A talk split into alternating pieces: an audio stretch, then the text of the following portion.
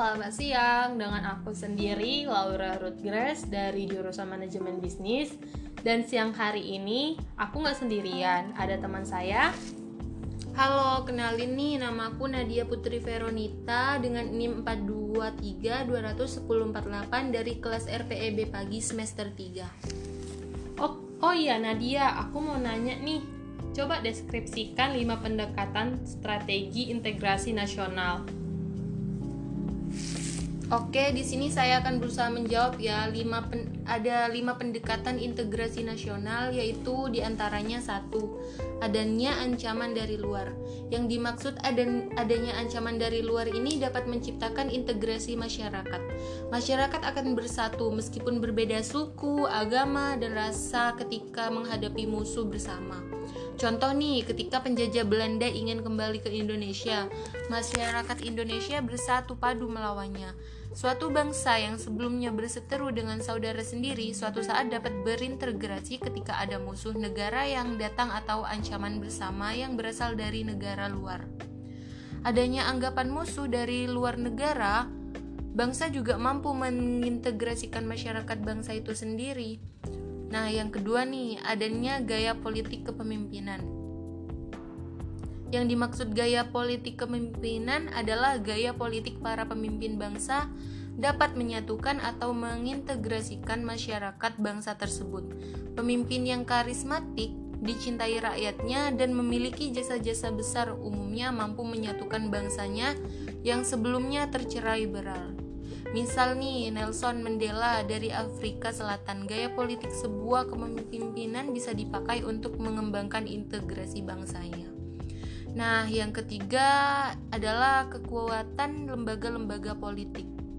Kekuatan lembaga politik, misalnya birokrasi, juga dapat memberi saran pemersatu masyarakat bangsa. Birokrasi yang satu dan padu dapat menciptakan sistem pelayanan yang sama, baik dan diterima oleh masyarakat yang beragam. Pada akhirnya, masyarakat bersatu dalam satu sistem pelayanan. Selanjutnya ialah ideologi nasional. Integrasi nasional merupakan seperangkat nilai-nilai yang diterima dan disepakati. Ideologi juga memberikan visi dan beberapa panduan bagaimana cara menuju visi atau tujuan itu. Jika nih suatu masyarakat meskipun berbeda-beda tetapi menerima satu ideologi yang sama, maka memungkinkan masyarakat tersebut bersatu.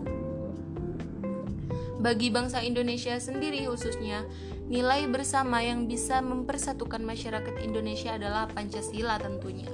Pancasila merupakan nilai sosial bersama yang bisa diterima oleh seluruh masyarakat Indonesia. Nilai-nilai bersama tidak harus berlaku secara nasional. Di beberapa daerah di Indonesia terdapat nilai-nilai bersama dengan nilai itu. Kelompok-kelompok masyarakat di daerah itu bersedia bersatu. Misal Pelagadong sebagai nilai bersama yang dijunjung oleh masyarakat Maluku. Dan yang terakhir nih ialah kesempatan pembangunan ekonomi. Kesempatan pembangunan ekonomi itu sendiri, jika pembangunan ekonomi berhasil menciptakan keadilan, maka rakyat Indonesia tersebut bisa menerima sebagai satu kesatuan. Namun, jika ekonomi itu menghasilkan ketidakadilan, maka muncullah kesenjangan atau ketimbangan. Orang-orang yang dirugikan dan miskin sulit untuk bersatu atau merasa satu bangsa dengan mereka yang diuntungkan serta mendapatkan kekayaan secara tidak adil. Banyak kasus karena ketidakadilan, maka sebuah masyarakat ingin memisahkan diri dari bangsa yang bersangkutan. Dengan pembangunan ekonomi yang merata, maka hubungan dan integrasi antar masyarakat akan semakin dicapai. Nah, itu tuh um, apa ya lima pen, pendekatan integrasi nasional menurut aku ya. Jadi berdasarkan definisi di atas dapat dinyatakan bahwa integrasi merupakan proses penyatuan dengan menghubungkan berbagai kelompok budaya dan sosial yang beragam.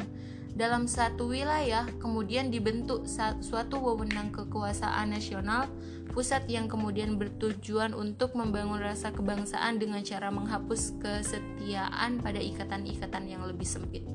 Itu aja sih Kak menurut aku tentang lima pendekatan itu. Wah, kita udah denger nih penjelasan dari Nadia. semoga